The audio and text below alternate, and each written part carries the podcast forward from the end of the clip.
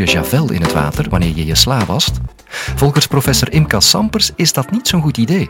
Als het daarentegen in een voedingsfabriek gebeurt, waar de pH-waarde en temperatuur goed gecontroleerd worden, dan is het een briljant idee. Dit is de Universiteit van Vlaanderen.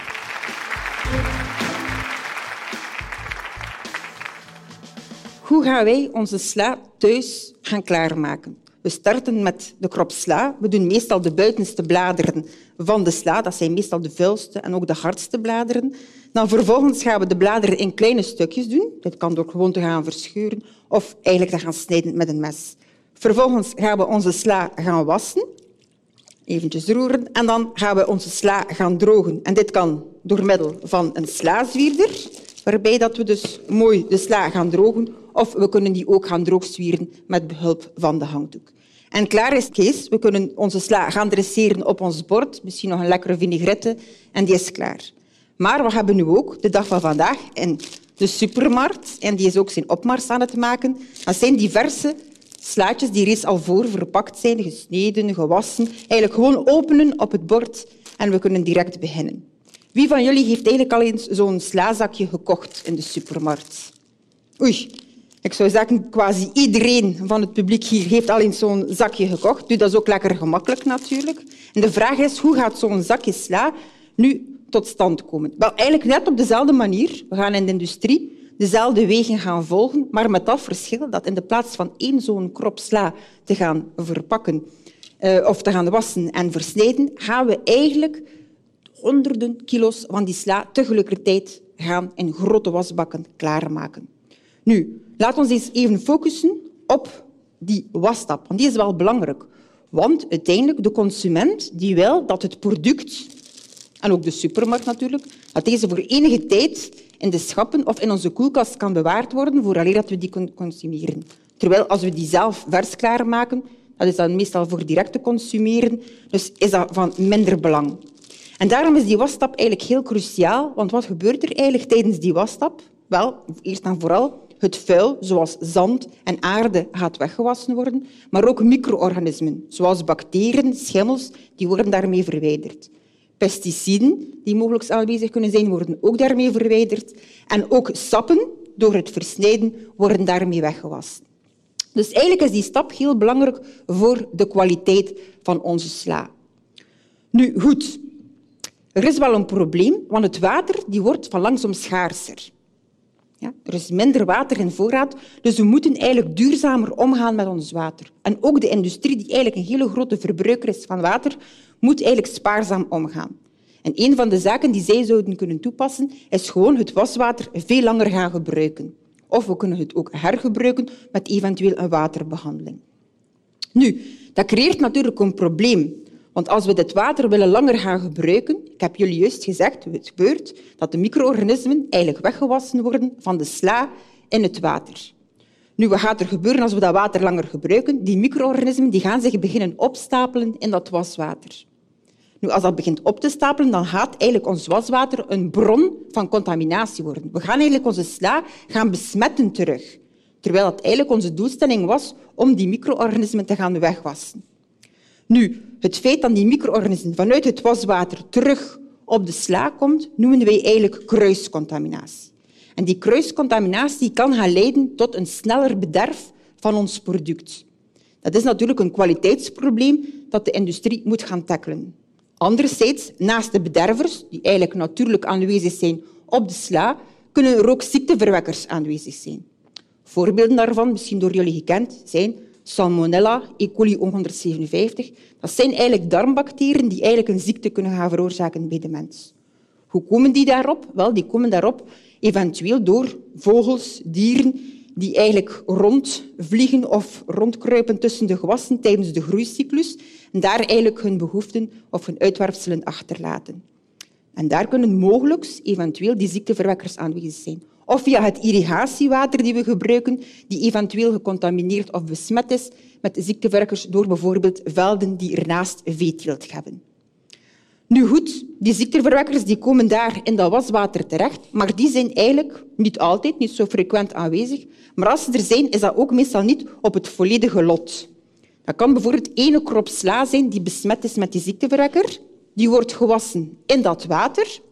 En wat gebeurt er? Al die ziektekiemen die zitten in ons waswater. De volgende sla die daarin dan gewassen wordt, die kan eigenlijk besmet worden met die ziektekiem die daar in het water aanwezig is. Dus eigenlijk krijgen we een soort van spreiding van die micro-organismen over ons volledig lot. In de plaats van misschien één à twee kroppen die misschien besmet waren met die ziektekiem. En dat is natuurlijk een risico voor de producent, want ja, dat kan leiden tot een uitbraak. Dus meerdere mensen die ziek worden van jouw product door diezelfde ziektekiem, door hetzelfde product. Dat is één, geen goede reclame en we willen natuurlijk onze consumenten niet ziek maken. Dat is een voedselveiligheidsprobleem die we zeker moeten vermijden, zeker ook naast het bederf. Dus wat gaan we doen? Oké, we gaan daar een oplossing voor vinden. En er zijn daar een tweetal oplossingen die we onderzocht hebben in ons laboratorium. En dat is één en vooral, we gaan terug de kraan gaan opendraaien. We gaan daar veel water laten doorspoelen. Met een heel groot debiet komt dat water erdoor. En wat gaat er gebeuren? Het aantal micro-organismen gaat gaan dalen. Dus we gaan veel minder micro-organismen in ons waswater hebben, waardoor dat we dus misschien minder kans hebben tot kruiscontaminatie. Niets is minder waar, want uiteindelijk je gaat nooit je aantal micro-organismen op nul brengen. Er gaat altijd een zeker aantal overblijven, dus die kruiscontaminatie is niet teniet gedaan. Bovendien, door daar zoveel water terug te laten doorstromen aan grote debieten, zijn we zeker niet spaarzaam ten opzichte van ons water. Dus dat is zeker de oplossing. Wat wel de juiste oplossing is, is eigenlijk gebruik maken van een waterbehandelingstechniek. Dat kan een chemische of een fysische methode zijn. Fysisch bedoel ik bijvoorbeeld UV-licht. Als we denken aan een chemische, dan denk ik aan chloor. Nu, ik moet zeggen, de verblijftijd van onze kroppen sla in die grote wastanks, dat is ongeveer 30 seconden à twee minuten. Dat is een hele korte verblijftijd. Dus we moeten eigenlijk een methode hebben die heel snel die micro-organismen die in het water terechtkomen gaan doden. En we kunnen alleen maar een chemicalië gebruiken, ook wel ontsmettingsmiddel of desinfectants genoemd. En als ik jullie nu vertel dat van alle middelen die wij eigenlijk uitgetest hebben, dat chloor het meest efficiënte en zeer aangenaam voor de bedrijven ook het goedkoopste product is die kan gebruikt worden, dan wil ik mijn vraag van daarstraks even herhalen. En dan vraag ik aan jullie, stel nu dat deze krop sla gewassen geweest is in chloorwater. Misschien door jullie beter gekend als eau de javel, voor de West-Vlamingen onder ons. Zouden jullie dan, en dan zou ik nu graag een keer terug die handen zien, zouden jullie dan nog altijd dit zakje kopen, wetende dat dat in chloor gewassen geweest is? Ik zie er een aantal, maar ik zie er eigenlijk al veel minder. En het is ook niet zo enthousiast dat de handjes naar boven gingen. Nu, ik ga er ook een aantal bedenkelijk kijken van hm, chloor gaan gebruiken samen met ons levensmiddelen. Jullie zien waarschijnlijk al die sla ronddobberen in een zwembad en dat dan zo uiteindelijk op ons eh, bord terechtkomt. Het zoveelste schandaal van de voedingsindustrie. We hebben er intussen al een aantal achter de rug. Nu, niets is minder waar. Chloor kan zeker gebruikt worden, met een aantal richtlijnen in acht worden genomen. En ook dat hebben we onderzocht in ons laboratorium om te gaan zien van kan chloor gebruikt worden, is het veilig en hoe moet dat toegepast worden. Nu, eerst en vooral, als ik ga gaan kijken naar het chloor, het meest gebruikte product is natriumhypochloriet. Dat is de chemische naam van eigenlijk die eau de javel. Nu, jullie kopen die ook waarschijnlijk dikwijls in de supermarkt. Net zoals onze producenten, die kopen ook dat product en die gaan dat eerst gaan stockeren. Dus dat is eigenlijk al een eerste zaak die een probleem kan vormen. Tijdens het stockeren zal het chloorproduct in de loop van de tijd uiteindelijk gaan degraderen tot chloraat. En er zijn er eigenlijk twee problemen aan verbonden. Eerst en vooral, als het omgezet wordt naar chloraat, dan gaat het eigenlijk niet meer als een ontsmettingsmiddel kunnen gebruikt worden. Dus het gaat die micro-organismen hier in ons water niet meer gaan doden. Dus eigenlijk heeft het zijn functie niet meer. Twee, waarom we dat zeker niet wensen, is het feit dat chloraat een toxisch product is. Dus eigenlijk wat gaan we doen? We gaan eigenlijk aan de ene kant een microbiologisch probleem gaan oplossen, maar we creëren eigenlijk een nieuw chemisch gevaar. Dus dat moeten we gaan vermijden. Dus we moeten het product correct stockeren en liefst ook niet te warm, dus liefst koel en weg van het licht, want door temperatuur en licht gaat de reactie omzetting van hypochloriet naar chloraat veel sneller doorgaan. Dus dat is al het eerste die belangrijk is. Nu, wanneer we het chloor toepassen in ons waswater, dan kunnen er nog zaken gebeuren.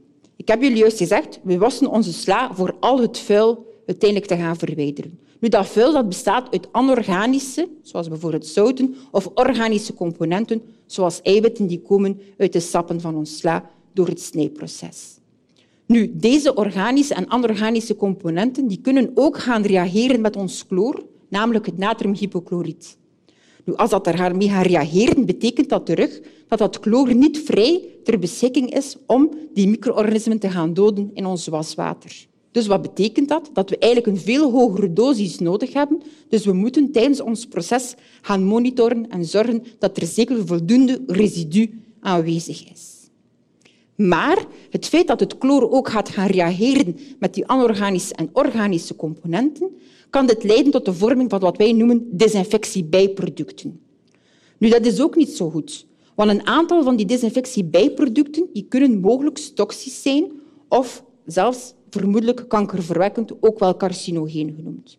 Dus ook hier terug moeten we oppassen dat we niet een te hoge dosis hebben of een te vuil water, omwille van het feit dat we willen die desinfectiebijproducten gaan inperken. Wat gebeurt er nog als wij ons sla wassen in ons water? Het water heeft normaal een pH-neutraal. Dan zien we die eigenlijk gaan stijgen in de loop van de tijd.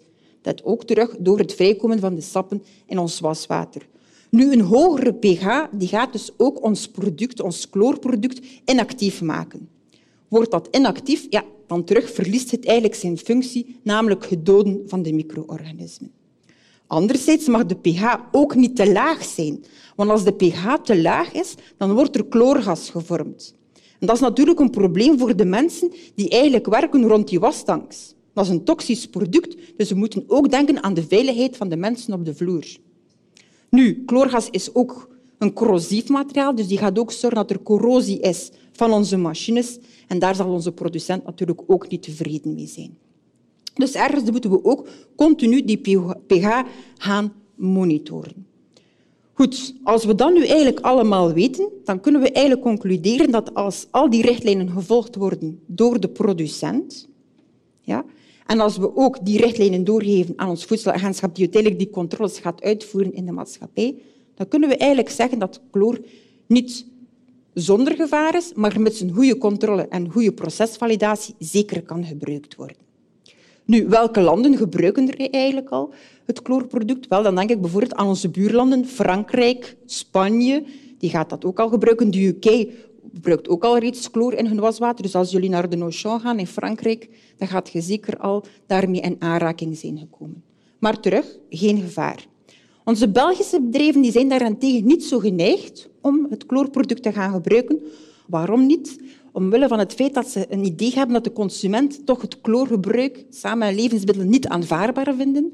En anderzijds dat er dus een mogelijkheid is dat die desinfectiebijproducten en chloraat kunnen aanwezig zijn op de producten. Dus ze hebben gevraagd aan ons laboratorium van kijk, zijn er geen andere alternatieve chemicaliën die ook de efficiëntie van chloor kunnen nabootsen? Nu, we hebben wat testen gedaan en er zijn inderdaad een aantal alternatieven, zoals perazijnzuur of ozon, die zouden kunnen gebruikt worden. Maar ook hier terug, deze producten hebben hun beperkingen. En ook terug, het zijn chemicaliën, dus daarom dat ons labo ook onderzoek aan het verrichten is om te kijken of er natuurlijke componenten kunnen gebruikt worden. Er zijn in de voedingsindustrie, en zeker bij de fruit- en de groenteverwerkende industrie, een aantal reststromen die eigenlijk interessant kunnen zijn. Die reststromen, ik denk maar bijvoorbeeld aan aardappelschillen of um, bierdraf, als ik dan denk aan eigenlijk bij het bierbrouwen. Dat zijn allemaal zaken die nu eigenlijk als veevoeder gebruikt worden, maar die eigenlijk nog componenten bevatten die heel interessant zijn voor ons en die eventueel een antimicrobiële werking hebben. Dat betekent dus eigenlijk dat ze in staat zijn om micro-organismen zoals schimmels en bacteriën te gaan doden. Dus wij zijn nu volop aan het kijken welke van die reststromen zo'n dergelijke componenten bevatten. We gaan die gaan extraheren. zijn nu volop aan het kijken of dat ze dus die antimicrobiële activiteit hebben en of dat ze dus vergelijkbaar en zo efficiënt kunnen ingezet worden als chloor, maar met dat verschil dat er natuurlijk geen desinfectiebijproducten of chloraat gevormd worden. Dus om eigenlijk te concluderen, want de vraag van vandaag was uiteindelijk van kunnen we chloor gaan gebruiken en is dat interessant voor het milieu, dan kan ik alleen maar beamen van ja, Chloor die kan gebruikt worden, want dan gaan we veel minder waswater gebruiken. Dus we zijn spaarzaam, milieubewust naar het verbruik van water. Maar we moeten zeker een aantal richtlijnen in acht houden, zoals het goed stockeren, zorgen dat de pH in orde is, eventueel aanzuren indien nodig, want de pH die moet bereikt worden. Anderzijds gaan we ook gaan kijken om een minimum residu te hebben, voldoende om af te doden. En gaan we natuurlijk ervoor zorgen dat er geen desinfectiebijproducten of chloraat op onze producten aanwezig zijn door ons proces te gaan valideren. En dan kunnen we zeggen dat we een veilig gebruik hebben en milieubewust zijn omgegaan met het product. Bij de Universiteit van Vlaanderen maken we geregeld colleges over eten en de voedingsindustrie. Meer weten? Surf naar universiteitvanvlaanderen.be.